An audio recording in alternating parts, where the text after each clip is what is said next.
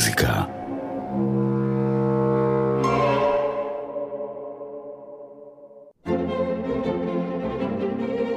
מגזין כאן כל המוזיקה עם אורי מרקוס. שלום לכם, מאזיני כאן כל המוזיקה. ושוב אנחנו במגזין שלנו, המשודר כאן כמו בכל יום חמישי בשעה הזאת. היום אנחנו נציג קונצרט קרוב של התזמורת הסימפונית ירושלים, ונשוחח עם המלחין, המעבד והמחנך משה זורמן, לרגל זכייתו השבוע בפרס אקו"ם למפעל חיים בתחום המוזיקה הקונצרטית. בין לבין נשמע כרגיל כמה שנספיק, כמה מן הפינות הקבועות שלנו. אני, אורי מרקוס, מיכאל אולשוונג, איש הביצוע הטכני, אנחנו מתחילים מיד.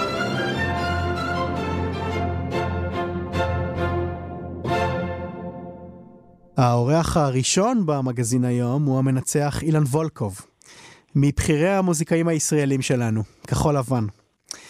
וולקוב יעמוד בשבוע הבא על דוכן המנצחים של התזמורת הסימפונית ירושלים, בתוכנית שתשלב ישן וחדש, ביצירות משל בטהובן, שטראוס וויטו זוראי, מלחין סלובני צעיר שעושה חייל כעת בסצנת המוזיקה בעולם.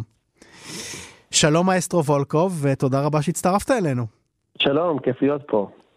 רק בחודש שעבר ניצחת כאן על התזמורת הפילהרמונית הישראלית בתוכנית נורדית אנגלית עם הסולנית המצוינת וילדה פרנק, והנה אתה שוב אלינו שוב, הפעם עם תזמורת כן. ירושלים. כן, גם הייתי עם האנסמבל 121 גם באמצע, אז כן, זה, זה היה חודשיים עם הרבה קונצרטים ישראלים. גם היה קאמרית לפני חודשיים גם. בעצם מרכז פעילותך היום הוא סוג של 50-50, שווה בשווה ישראל וחוץ לארץ, או שלא בדיוק? לא, לא. כלומר, 25 שנה שאני עובד, אז בעצם תמיד היה מרכז בחו"ל. פשוט יצא השנה שיש ארבע קונצרטים, ארבע תוכניות שונות. בזמן קצר, אבל זה, זה מאוד נדיר. אז אולי באמת לפני שנצלול לתוך התוכנית האומנותית של הקונצרט שייערך בשבוע הבא, אולי ב, אם תסכים בכמה מילים גם על עצמך למען המאזינים שלנו שפחות מכירים אותך, אתה מסכים? בכיף, כן. למדתי ניצוח בלונדון בשנות התשעים. ואז הג'וב הראשון הגדול שלי היה אסיסטנט, להיות אסיסטנט בבוסטון סימפוני. תחת סג'ה אוזאווה, נכון? בדיוק, כן. כן. זהו, ואז התחלתי בעצם לנצח, באותה תקופה גם התחלתי לנצח בצורה מקצועית גם באירופה בעיקר, ואז הייתה לי תזמורת הראשונה שהייתי מנצח ראשי שלה בגלסגו, BBC סקוטיש סימפוני אורקסטרה. שבעצם בראשה אתה עמדת כמעט שש או שבע שנים, נכון? כן, שבע, שבע שנים, שבע עונות, ואז המשכתי מאז 2010 אני בעצם איתם כמנצח ראשי אורח כבר למעלה מעשור. ואיתה אתה לדעתי לפחות כמעט 20 דיסקים נכון הוצאת עם התזמורת הזאת? כן משהו כזה אני לא יודע אם 20 אבל לא מעט. כמעט. זה... עכשיו בקושי מוצאים דיסקי באופן כללי בכלל אבל נכון. הייתה תקופה שהיינו עושים הרבה דברים. אלה דיסקים שיצאו, שיצאו בחברת היפריון. כן. בעיקר. והם זכו בהרבה מאוד פרסים ובתשבחות, ואני מבין שבעצם השיתוף הפעולה הזה מן הסתם נגדע, נכון? כי אתה כבר לא מנצח יותר, לא עומד יותר בראש התזמורת הזאת. כן, אני, הקלטות אני עושה איתם פחות, אבל אני עובד איתם הרבה. אני עושה איתם ארבעה, חמישה mm-hmm. שבועות בשנה כבר מאז 2010, אז זה כולל גם פסטיבל טקטוניק שאני עושה איתם מאז 2013. ועוד די הרבה פרויקטים אחרים שאנחנו עושים באופן קבוע. אני עכשיו, השנה, העונה הזאת, התחלתי גם לעבוד עם הפילהרמונית של בריסל, בתור גם מנצח ראשי אורח, אז שם אני עושה גם שלושה ארבעה שבועות בשנה. מהעונה הנוכחית. ולפני כן היית גם המנצח של, המנהל המוזיקלי בעצם של התזמורת הסימפונית של איסלנד, נכון? כן, כן, זה כבר עשר שנים. ב-2015, אבל כן, כן, הייתי שם שלוש שנים, שלוש עונות, זה היה מצוין. ונזכיר עוד עובדה אחת קטנה שלא סיפרת לנו שאתה הבן של שולמית וולקוב ופרופסור להיסטוריה מאוניברסיטת תל אביב שהיא מומחית של ממש להיסטוריה המודרנית של גרמניה נכון? במיוחד לזו של המאה ה-20. גם מאה ה-19 וגם מאה ה-20 כן. כן. וגם אני בן של אלכסנדר וולקוב שהיה חלק מ... שלישיית הפסנתר הישראלית. בדיוק, כן, והוא לימד גם עשרות שנים באקדמיה. היה פדגוג מאוד מאוד גדול, כן. אז זאת אומרת שאתה צמחת בסביבה מאוד מוזיקלית. אין ספק, כן, זה היה המזל שלי, אין ספק. יופי, אז באמת, מה תוכל לספר לנו על התוכנית האומנותית שבשבוע הבא תנצח עליה? כן, זה יצא, יצא תוכנית מיוחדת, לא סטנדרטית כל כך. החצי הראשון יהיה בעצם סימפוניה שנייה של בטהובן, שזה יצירה שאני תמיד מאוד מאוד אוהב לחזור אליה, mm-hmm. והחצי השני יתחיל בקונצ'רטו לקרן של ויטו ז'וראי, שהוא, כמו שסיפרת, מלחין סלובני שעכשיו נחשב בין המלחינים הצעירים הכי חשובים ומצליחים שיש באירופה, ואנחנו מביאים את הסולן סער ברגר, שהוא קרנן אה, מוביל של מוזיקה עכשווית. אה, הוא נמצא כבר שנים בפרנקפורט אה, עם אחד האנסמבלים הכי גדולים של מוזיקה עכשווית שיש בעולם, אנסמבל מודרן. והיצירה הזאת בעצם נכתבה לסער, הוא ניגן אותה גם בגרמניה וגם בסלובניה. היא ו... בעצם נכתבה בהזמנתו. נכתבה בהזמנתו, ויש שם גם דברים שאין הרבה קרננים שיוכלו לנגן את זה חוץ מסער. זה די טירוף. זהו, אז זה יהיה כיף גדול לעשות אה, משהו עם סער בארץ. אני הזמנתי פעם את סער גם לסקוטלנד ועשינו קונצ'רטו מודרני שם, וזה תענוג שהוא uh, ביקש לעשות את היצירה הזאת, ושהתזמורת uh, הסכימה לעשות את זה, כי זה לא קורה כל כך הרבה בארץ שאנחנו מנגנים מוזיקה עכשווית, ואם כבר מוזיקה עכשווית שהיא לא ישראלית, זה כמעט שלא קורה בכלל. וזה מאוד בוער בעצמותיך, נכון? זה משהו שעוד עוד דבר שצריך לומר, שאתה מאוד מאוד, בוא נאמר, יוזם ותומך ומקדם את, ה, את המוזיקה העכשווית החדישה, הניסיונית, ומביא אותה בעצם לקדמת הבמה, כמעט הביצוע. כן, חלקה ניסיונית, חלקה, חלקה כבר מזמן לא ניסיונית, אבל, אה, אבל מוזיקה שכותבים היום, אם זה מלחינים צעירים, אם זה מלחינים מבוגרים. גם בארץ אני עובד כמובן עם אנסמבל 121 כבר, כבר למעלה מעשור, בשנים האחרונות גם כמנהל אה, מוזיקלי יחד עם דן יואס, ואז היה לי גם את העונג לעשות הרבה פרמיירות והרבה יצירות חדשות לגמרי, אבל אה, מה שבאמת מיוחד בקונצרט הזה, ש, שאנחנו מביאים באמת משהו שהוא, שהוא חדש, אבל שהוא לא ישראלי, שהוא, שהוא קשור לתרבות הכוללת של מוזיקה באירופה ובעולם, וזה תענוג. כן, אז אה, בעצם הרכבתם כאן תוכנית שמשלבת ישן וחדש, בטהובן ושטראוס עם אה, מלחין צעיר, כפי שסיפרת לנו עכשיו, מסלובניה, שיצירתו אינה מוכרת לרובנו. אתם אה, פותחים בבטהובן, בסימפוניה השנייה שלו. יצירה של בטהובן הצעיר, בן השלושים, שאותה הוא כתב בשלהי תקופת יצירתו הראשונה. כפי שנהוג לחלק את uh, תקופת יצירתו לשלוש תקופות. כן, בדיוק, זה כבר לכיוון של הירואיקה ולכיוון של הדברים היותר mm-hmm. מודרניים שלו, אבל uh, כמובן כבר, שזה... החרשות כבר מאוד הייתה נוכחת בתקופה הזאת? כן, וזו יצירה שהיא עדיין קלאסית מאוד, היא עדיין נשענת על מסורות של מוצרט ובטהובן mm-hmm. וכולי, אבל כבר דוחפת הרבה קדימה. שומעים שם את בטהובן הקיצוני ובטהובן שדוחף את הגבולות ההרמוניות והמלודיות והתזמורתיות כמה שהוא יכול בתוך הסגנון עדיין הברור של סונטה ושל סימפוניה. וגם אפילו מבחינה מבנית, שהרי בפרק השלישי, שהיה שמור עד אותה עת למחול המינואט, נכון? הוא פתאום נולד כן. אסקרצו. כן, זהו, אז, אז באמת זה ההתחלה הזאת של התרחקות מהריקודיות הרגילה שיש בסימפוניות הזה. עוד סממן של מודרניזם שבסימפוניה השנייה זה מין כזה רגע ממש קצת לפני. כמובן כן. שגם השלישית וגם החמישית מגיעות בקרוב. אז כן, זה תענוג לנגן את זה תמיד, כי יש בזה משהו מאוד שילוב של הרבה דברים, אבל uh, עדיין צריך לנגן את זה כבטהובן אמיתי, מבחינה דינמית, מבחינה... כלומר, לנסות לנגן את זה שונה מאוד ממוצות והיידל. זה, זה ממש מעניין. ואחר כך אה, ריכרד שטראוס.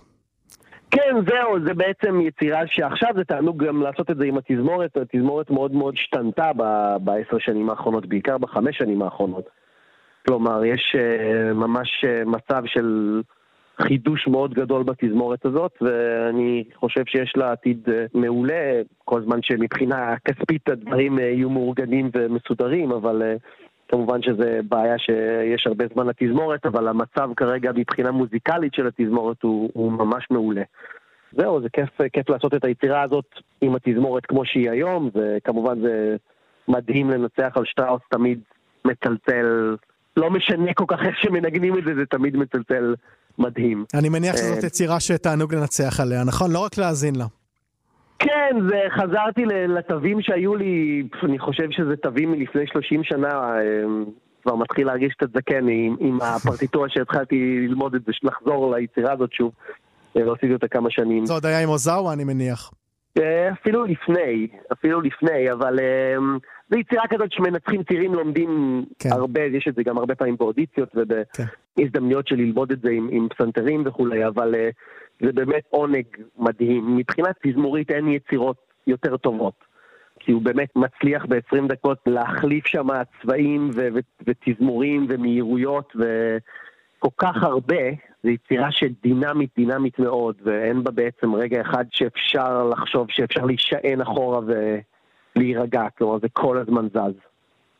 יש עוד איזשהו משהו שהיית רוצה לספר לנו על היצירה או על הקונצרט? אולי בקצרה על איזשהו פרויקט שמעסיק אותך בימים אלה? אני עכשיו בדיוק לפני פרויקט ארוך אה, שהוא יהיה למעלה מחודשיים בציריך, אה, אופרה של ג'ורג' בנג'מין, שנקראת אה, Lessons in Love and Violence, שיעורים באהבה ואלימות. זו האופרה השנייה הגדולה שלו, וזה בעצם הביצוע הראשון העיקרי אחרי הביצועים שהיו בפרמיירה. כלומר, בפרמיירה ניגנו אותה באיזה חמש-שש ערים בעולם עם אותה הפקה. עכשיו זה יש הפקה חדשה, מזמרים אחרים. תזמורת מדהימה של, של בית האופרה של ציריך, וזהו, זה הפרויקט הבא. ובקיץ אני עמוס אה, יחסית גם בזלצבורג, עם יצירה של גריזי, עם קלנק פורום, mm. זה אנסמבל מוביל אה, אוסטרי. אחרי זה יש לי Proms, שזה הפסטיבל של, של ה-BBC בלונדון, שאני עושה אותו כבר מאז 2003. מאז השנה אני חוזר עם התזמורת של, של סקוטלנד ואנחנו מנגנים יצירה של צ'ייקובסקי די ידועה, שישית של צ'ייקובסקי, ויצירה חדשה של קת'רין למב, מלחינה אמריקאית. ואז עוד באותו קיץ יש לי גם קונצרט עם אנסמבל מודרן בדרמשטט, וגם קונצרט בלוצרן עם התזמורת של האלמנאי של, כן. של אה, לוצרן, של תזמורת מדהימה. אז זהו, אז יהיה חודש אה, עמוס יחסית, אז זה בערך הפרויקטים שיש לי עד העונה הבאה. אז בסך הכל אתה בחור עסוק. אה, כן, במידה. אגב, יש לך איזושהי העדפה, אה, באמת, אתה יכול לומר שהיצירות אה, שנכתבו במאה ה-18 או ה-19, או אפילו החצי הראשון של המאה ה-20, בוא נאמר, לא, לא יודע אם קצת נמאס לך מהן. אני אשאל ככה, עד, עד כמה בעצם חשוב לך לנצח עליהן? או שאם זה היה תלוי בך, היית בעצם רק מתעסק עם יצירות שנכתבו, בוא נאמר, בחמישים השנים האחרונות? תראה, האמת שלנצח תזמורת, אם אתה מנצח תזמורות או תזמורות קאמריות ואנסמבלים, קשה, זה קשה מאוד להחליט לעשות רק תקופה מסוימת, כי באמת העונג האמיתי של זה זה החילופים בין התקופות והשינויים בין התקופות, וה, וזה שאתה צריך לדעת לעשות וגנר ומוסרט ובטהובן ורמו וברטוק ושטוקהאוזן וכל הדברים האלה מתחלפים, ויום אחד אתה עומד, אתה עושה... פנדרצקי, יום שני אתה עושה מוצרט, כלומר, ככה אני עובד כבר שני עשורים, למעלה משני עשורים, אז אני כבר לא חושב בצורה הזאת, אם יש משהו שפחות, כמובן שיש יצירות שפחות מעניינות אותי באופן כללי, אבל זה לאו דווקא קשור לתקופה. יש אגב מלחין מסוים שמעולם לא, לא ניצחת עליו וגם לא תנצח עליו? לא נראה לי שיש כזה, אולי יש כמה דוגמאות של מוזיקה מודרנית שאני לא סובל, אבל אני לא אגיד לך מה הם, אבל, אבל מעט מאוד, כי הטעם שלי הוא קצת, אה, הוא מאוד אה, פתוח. קתולי. אני חייב להגיד. חובק הכל. זה אולי תכונה טובה, אולי זו תכונה רעה, אין לי מושג, אבל זה אני. אז אני, אני חושב שאני מנסה ללמוד ו- ולהכיר כמה שיותר מוזיקה, ו- ובסופו של דבר אני מוצא שאם אני משקיע במוזיקה, שאני לומד זמן, אז אני תמיד יכול ללמוד ממנה וליהנות ממנה ו- ולהרגיש שזה מעניין לנגן אותה. כך שזה היתרון uh, של לעבוד עם כל כך הרבה מוזיקה, אנחנו עובדים 300-400 שנים של מוזיקה ואנחנו יכולים באמת כל הזמן, זה לא משהו שאפשר להפסיק ללמוד או ליהנות כן. ממנו, אז uh, כן, באמת שיש מלחינים שהייתי רוצה כמובן לעשות יותר, נגיד אופרות של וגנר לא עשיתי, או אופרות של מוצרט, בוסק, דברים כאלה, יש דברים שלא עשיתי כי באופרה אני לא עבדתי עדיין כל כך הרבה. אבל... טוב, אתה רק בן 46, כל החיים לפניך. אה, יש זמן, כן, בינתיים יש ילדים בבית, אז לאופרה בכל מקרה אין לי הרבה זמן, אבל מקווה שיהיה עוד זמן למספיק דברים, אין ספק. התזמורת הסימפונית ירושלים בקונצרט מאת בטהובן, ברמס וויטו וסז'וראי בשבוע הבא, ביום שלישי, נכון? יום שלישי הבא. בדיוק, כן. אילן וולקוב, אני מאוד מודה לך על השיחה הזאת, ואני מציע שנסיים בקטע קצר אה, תחת שרביטך. מה אתה אומר, אולי בפרנץ ליסט? יאללה, מעולה. מלחין שאתה טיפלת בו לא מעט, נכון? והקלטת. כן, זה, הדיסק הזה באמת אה, יצא דיסק מעניין, כי גם הקלטנו שם כמה יצירות שבקושי מנגנים, אז... אה, בדיוק. אז זה כיף. אז נשמע באמת את ההודה הזאת, הודת אבל שנקראת אה, המתים, שליסט כתב לזכרו של בנו, שמת בזרועותיו, אפשר לומר, בגיל 20. כן, ונשמע את ההקלטה הזאת. להתראות. תודה, תודה רבה.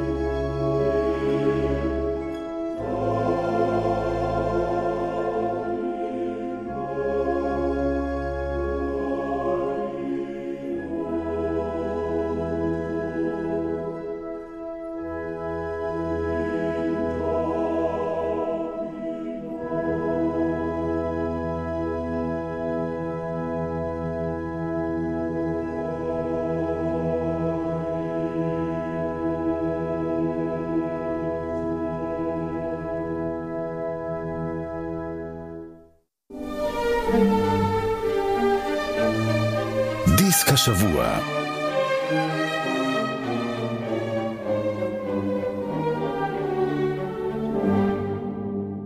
וכעת לפינתו של עידו קרן, נחבא אל הכלים. בבקשה עידו.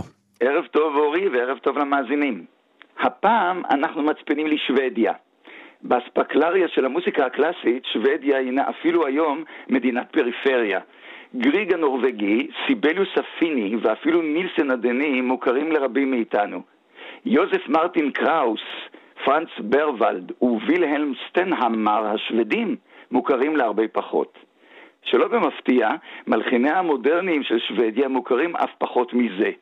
אחד מאלה, וזה הנחשב לראשון מביניהם מבחינה כרונולוגית, הוא הילדינג רוסנברג, שחי בין השנים 1892 ו-1985. לרוסנברג נודעת השפעה גדולה על רבים ממלחיני ארצו שבאו אחריו, שכמה מהם גם היו תלמידיו. הוא היה מלחין פורה מאוד, וניסה את כוחו כמעט בכל סוגה אפשרית. בין השאר, הלחין שמונה סימפוניות, 14 רביעיות כלי קשת, קונצ'רטי לכינור, פסנתר, צ'לו וחצוצרה, מוסיקת אגב, אופרות, סונטות לפסנתר ושירים. מלבד מלחין, רוסנברג היה גם מנצח, פסנתרן, אורגניסט ומוסיקולוג. אולם פועלו העיקרי היה כמלחין, וככזה הוא היה ביסודו של דבר סימפוניקאי. בקונצ'רטי, בסימפוניות ובמוסיקה הקאמרית שלו, הוא מגלה שליטה מרשימה במה שנהוג לכנות הצורות הגדולות. ובכל אלה, כמו גם ברבות אחרות, ניכרת שפה אישית המצטיינת בתזמור עשיר ורב דמיון. יהיה זה אך נואל לנסות לתאר שפה מוסיקלית במילים. ובכל זאת, נראה כי הרוח השורה על יצירותיו של רוסנברג מזמינה השוואה למשל עם זו המנשבת מיצירותיו של פרוקופייב המוקדם. בהיבט של היעדר סנטימנטליות, תזמור שקוף רב המצאה, מידה מסוימת של עוקצנות והרבה צלילים לא נכונים. ואילו בהמשך קריירת ההלחנה שלו, השפה ההרמונית מעלה בזיכרון את זו של בארטוק. עובדתית, רוסנברג הושפע מהמוזיקה של סיבליוס, שיינברג וסטרווינסקי, ומזו של מלחינים צרפתיים בני העשורים הראשונים של המאה ה-20. יחד עם זאת, הוא נותר, כפי שנהוג לומר באנגלית, very much his own man. ייתכן שכאן טמון ההסבר לכך שגם כיום הוא עדיין שרוי באלמוניות גדולה יחסית מחוץ למולדתו. נטעם אפוא עכשיו כזית מפרי יצירתו של רוסנברג, ונאזין לפרק השני פרסטו, מתוך רביעיית כלי הקשת החמישית שלו, שהולחנה בשנת 1949. בביצוע שלפנינו מנגנת אותה רביעיית ליסל בהקלטה שיצאה בחברת קפריס. האזינו בהנאה.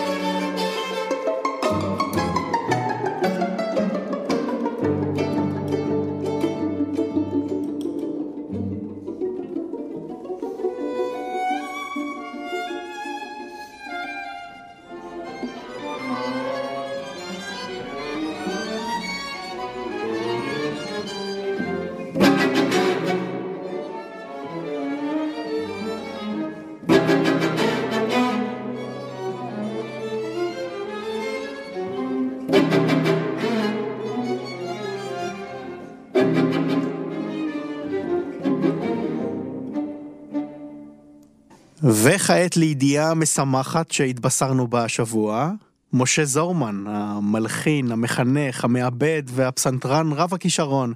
הוא זוכה פרס אקו"ם לשנת 2023 למפעל חיים בתחום המוזיקה הקונצרטית. לפני כשנה חגג משה את יום הולדתו ה-70, והפרס הזה הוא מעין הכרה רשמית ובעלת תוקף לסגולותיו המוזיקליות. אבל הפרס הזה ממש אינו הראשון שבו זכה משה לאורך דרכו האומנותית, ואפילו לא פרס אקו"ם הראשון שבו זכית, נכון משה זורמן? אה, תזכיר לי, הדברים חולפים, כן. אז היה אולי פרס אקו"ם לא, אבל פה עכשיו יש לנו במה שקרוי כותרת הרבה יותר מרשימה, פרס אקו"ם על מפעל חיים. בדיוק. הקודם היה פרס אקו"ם על יצירה מסוימת שכתבתי, נכון. פרס עידוד היצירה, דברים מהסוג הזה. זה נדמה לי היה על יצירתך אה, תמונות תל אביביות, בדיוק לפני 30 שנה. תמונות תל אביב. כמה? 93? אה, 30 שנה? טוב, מה אני אגיד לך? זאת... הימים חולפים שנה עוברת, כמו שאומר השיר. זאת יצירה כן. שאתה כתבת בעצם אה, לציון 80 שנה לתל אביב, נדמה לי, נכון? נכון, 80 שנה לתל אביב, עם אסופה של טקסטים, כן. בתוכם כמה מאוד אה, כאלה חריפים, שאפשר לחיות בתל אביב עד יום הכיליון, אבל להיקבר חבר אפשר רק בחולון. אז עוד אפשר היה להיקבר בחולון, היום גם בחולון אין מקום כבר. מאיר ויזלטיר, מאיר ויזלטיר, על עיר הולדתך חולון. בדיוק, כן. אז זהו, אז זה נמצא איכשהו במרתפי הרדיו ואפשר להשמיע את זה מדי פעם, להיזכר. אבל אני, אני שמח שאתה מזכיר לי שבאמת ביום לפי ה-70 אתם אה, ארגנתם לי אה, זרקור, ובאו במשך שלושה ימים רצופים, השמעתם אוסף אה, גדול של כל היצירות שלי, שזה היה לפי דעתי פרס שווה בערכו, לפרס הזה אתה קיבלתי פרס מפעל חיים, כיוון ש... יכול שאני לראות איזה פנורמה של כל הדברים שעשיתי בכל מיני סגנונות. האצילות אה, בהחלט חייבה, ועשינו... כן. זהו, אז זה, זה, זה מה שקרה השבוע. אתה בעצם, אה, כמו, ש, כמו שרמזתי ואמרתי, לא, לא רמזתי, אמרתי זאת מפורשות, נולדת אה, בחול, בחולון. נכון. בן בכור להורים שהיו חובבי מוזיקה מושבעים, אבל לא מוזיקאים מקצועיים, נכון? בהחלט לא, הם לא זכו לחינוך מוזיקלי כיוון שהם ניצולי שואה, כן. והחינוך שלהם בכלל הופסק בגיל מאוד צעיר, אבל איכשהו בלב הנושא של מוזיקה, לא רק מוזיקה קלאסית, בכלל מוזיקה וכולי, ועשיית מוזיקה באופן חי, הם שניהם היו חברים במקהלת מועצת פעלי חולון, mm-hmm. ו- ואיכשהו אה, מהר מאוד נתנו לילד משה, מוישה לאקורדיון, כדי שינסה את... מזלו עם המורה השכונתית שהייתה מגיעה מבית לבית ומלמדת את הילדים. וככה הייתה התחלת הדרך, ואני זוכר את עצמי יושב עם אקורדיון בחשקר בית הספר ומנגן לט"ו בשבט או לחגים אחרים, וכולם אומרים, היי, לילד יש שמיעה מוזיקלית, וזה כנראה משך את ההורים שלי לקנות לי פסנתר, שזה היה בהחלט בחולון של שנות החמישים המאוחרות, אה, השקעה ואמירה. ואחרי האמירה הזאת נסענו והתחלנו את הדרך הארוכה ארוכה עד היום.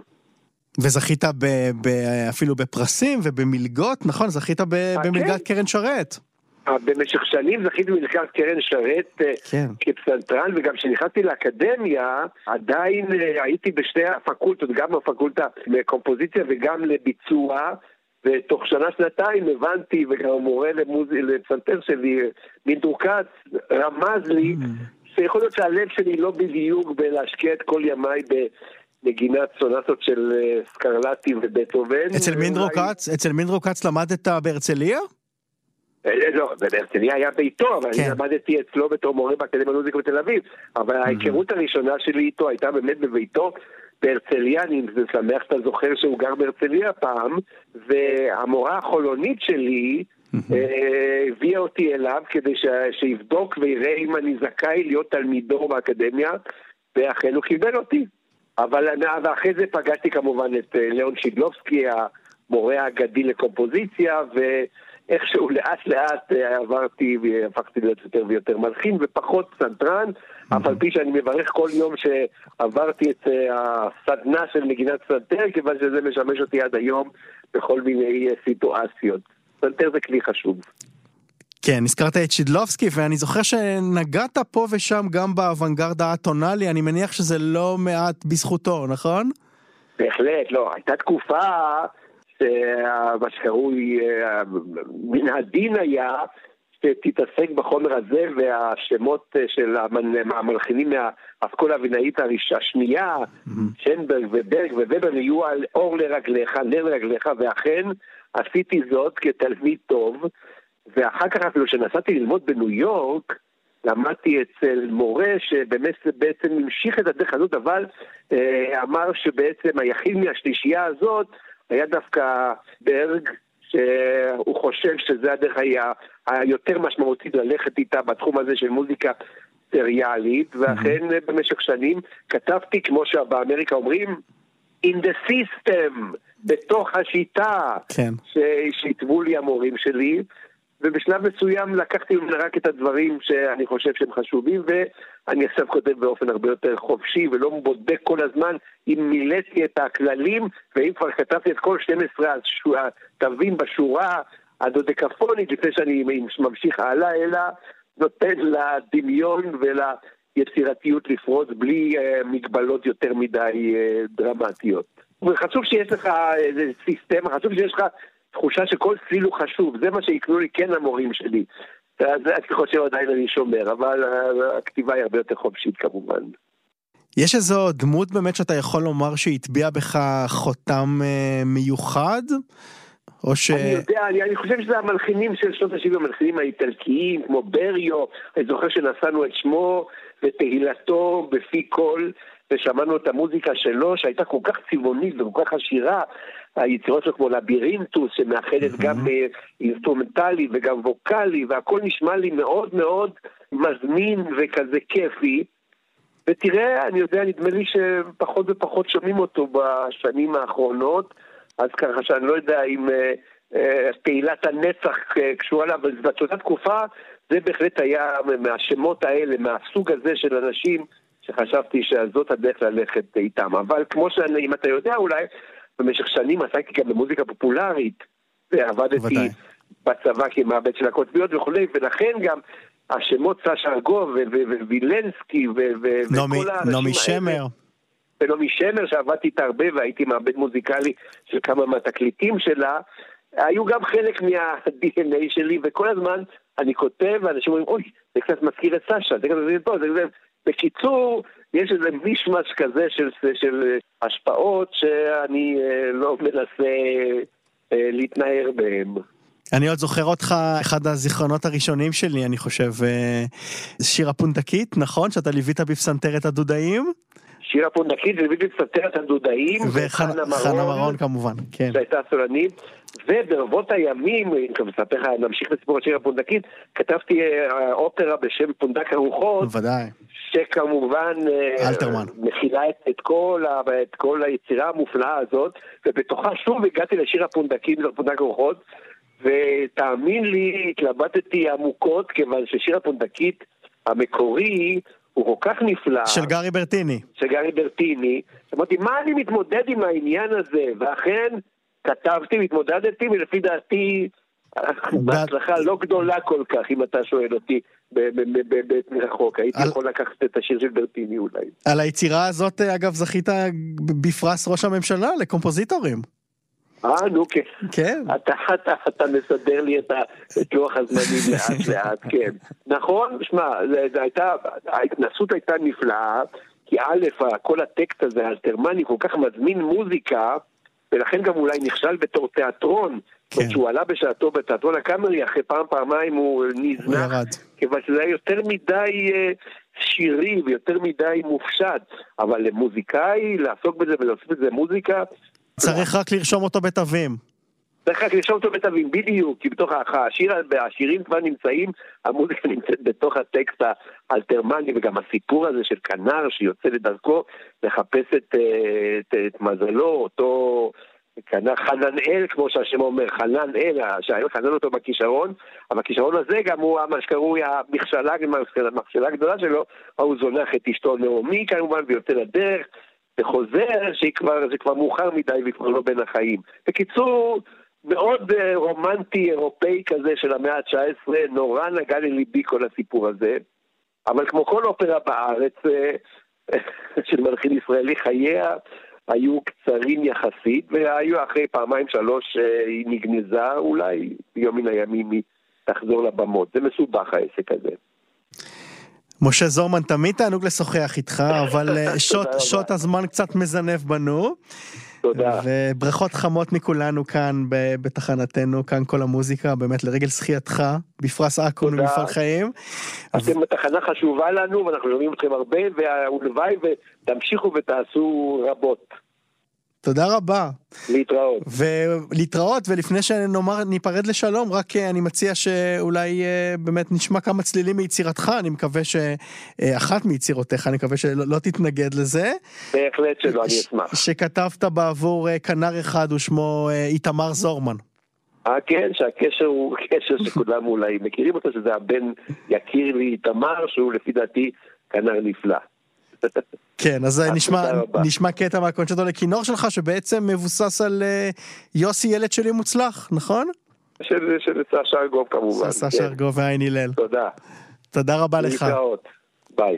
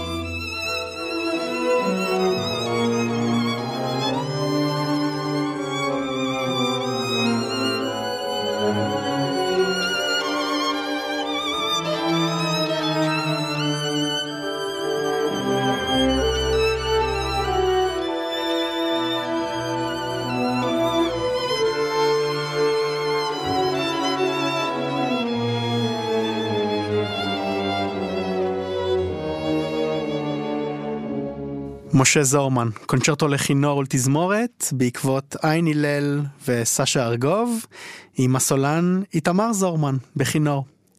ונשמע כעת את אה, פינתו של הדוקטור גדעון פלוסר, שהפעם אה, חזר מחוץ לארץ ויביע את רשמיו האומנותיים.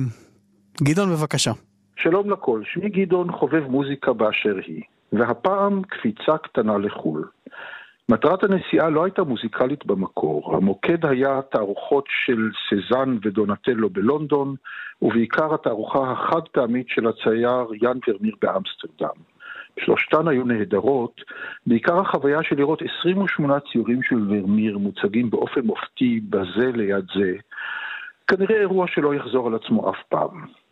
אבל בלי מוזיקה אי אפשר, והרי זה מגזין מוזיקה. כמעט כל מה ששמעתי בנסיעה היה יוצא דופן, בעיקר ברפרטואר המיוחד. תזמורת צ'ייניק, כן, כך השם, עם סימן קריאה בסופו, היא תזמורת סימפונית המורכבת מנגנים בני מיעוטים, בעיקרם שחורים, אך גם מהמזרח הרחוק והקרוב. יש בה ישראלית אחת, הצ'לנית המצוינת עדי טל, אולי היא מיעוט בתזמורת זו בהיותה לבנה, ופריבילגית. מרכז התזמורת בלונדון, אך היא מסיירת בעולם, כעת בצפון אמריקה. אכן, קצת מוזר לראות הרכב כזה על הבמה, אבל בעצם למה לא? שינגנו טוב, והם אכן עושים זאת. התזמורת בניצוחו של אנדרו גרמס נגנה תוכנית שכולה של מלחינים שחורים. יצירה קצרה של קרלוס סיימון האמריקאי, ג'אזית, רוקיסטית ומקפצת. אחריה הקונצ'רטו לכינור של סמיואל קולרידג' טיילר, מלחין בריטי שנפטר בגיל צעיר. הוא הותיר אחריו יצירות ווקאליות שבזמנו זכו להצלחה רבה. הקונצ'רטו לכינור שלו הוא יצירה רומנטית ויפה.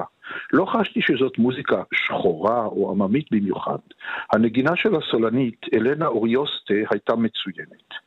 ולסיום, וזו כמעט סיבה לנסיעה מבחינתי, הסימפוניה הראשונה של פלורנס פרייס, מלחינה אמריקאית שכבר דיברתי עליה בעבר.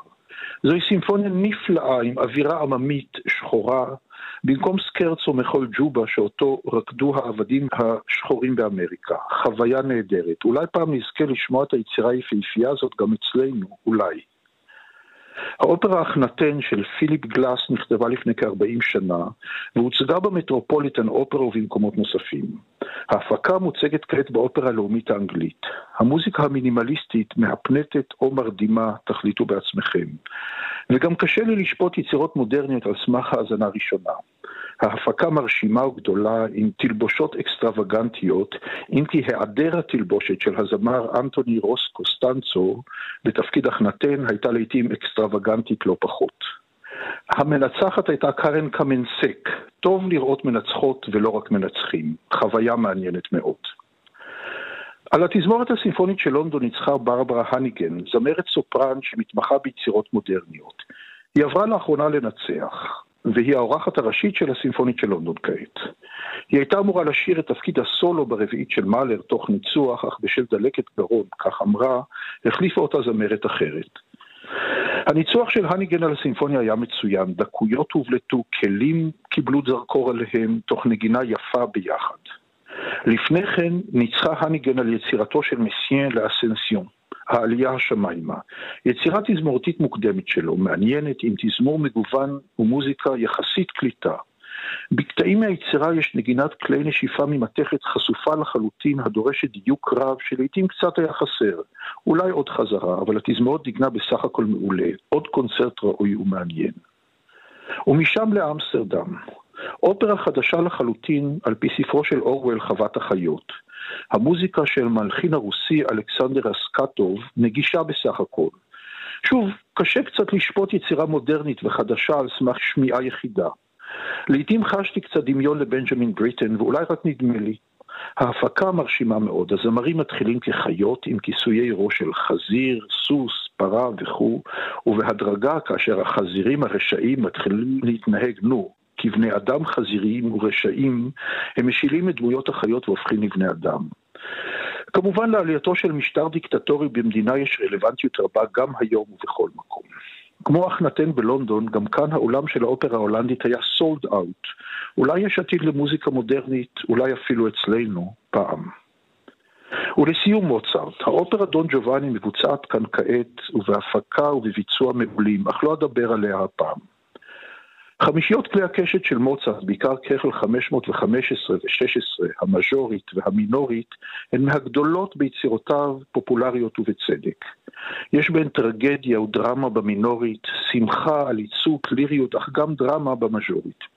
במשך שנים חיינו באושר רב עם הביצוע הממש דפיניטיבי של ארתור גרומיו, מלפני כ-50 שנה. קלאסי, צלול ומדוד אך מלא רגש. אבל יש מקום גם לביצועים חדשים. השבוע נחת באתרי הסטרימינג אלבום חדש עם שתי החמישיות האלה, בנגינת רביעיית אבן הצרפתית והוויולן אנטואן תמסטית. יש כאן אור קצת אחר על החמישיות, קצת יותר רומנטי, יותר פורטמנטו, יותר שינויי מקצב ועוצמה. אלטרנטיבה נהדרת לגרומיו, שאליו תמיד אחזור כמובן. נשמע את הפתיחה לחמישייה בדו מז'ור, קכל 515. מוזיקה מרנינה עם רב שיח נמרץ ומקסים בין הכלים. אז שנשמע רק מוזיקה טובה ונאתגר את עצמנו ביצירות חדשות, אבל גם מוכרות ואהובות. להתראות.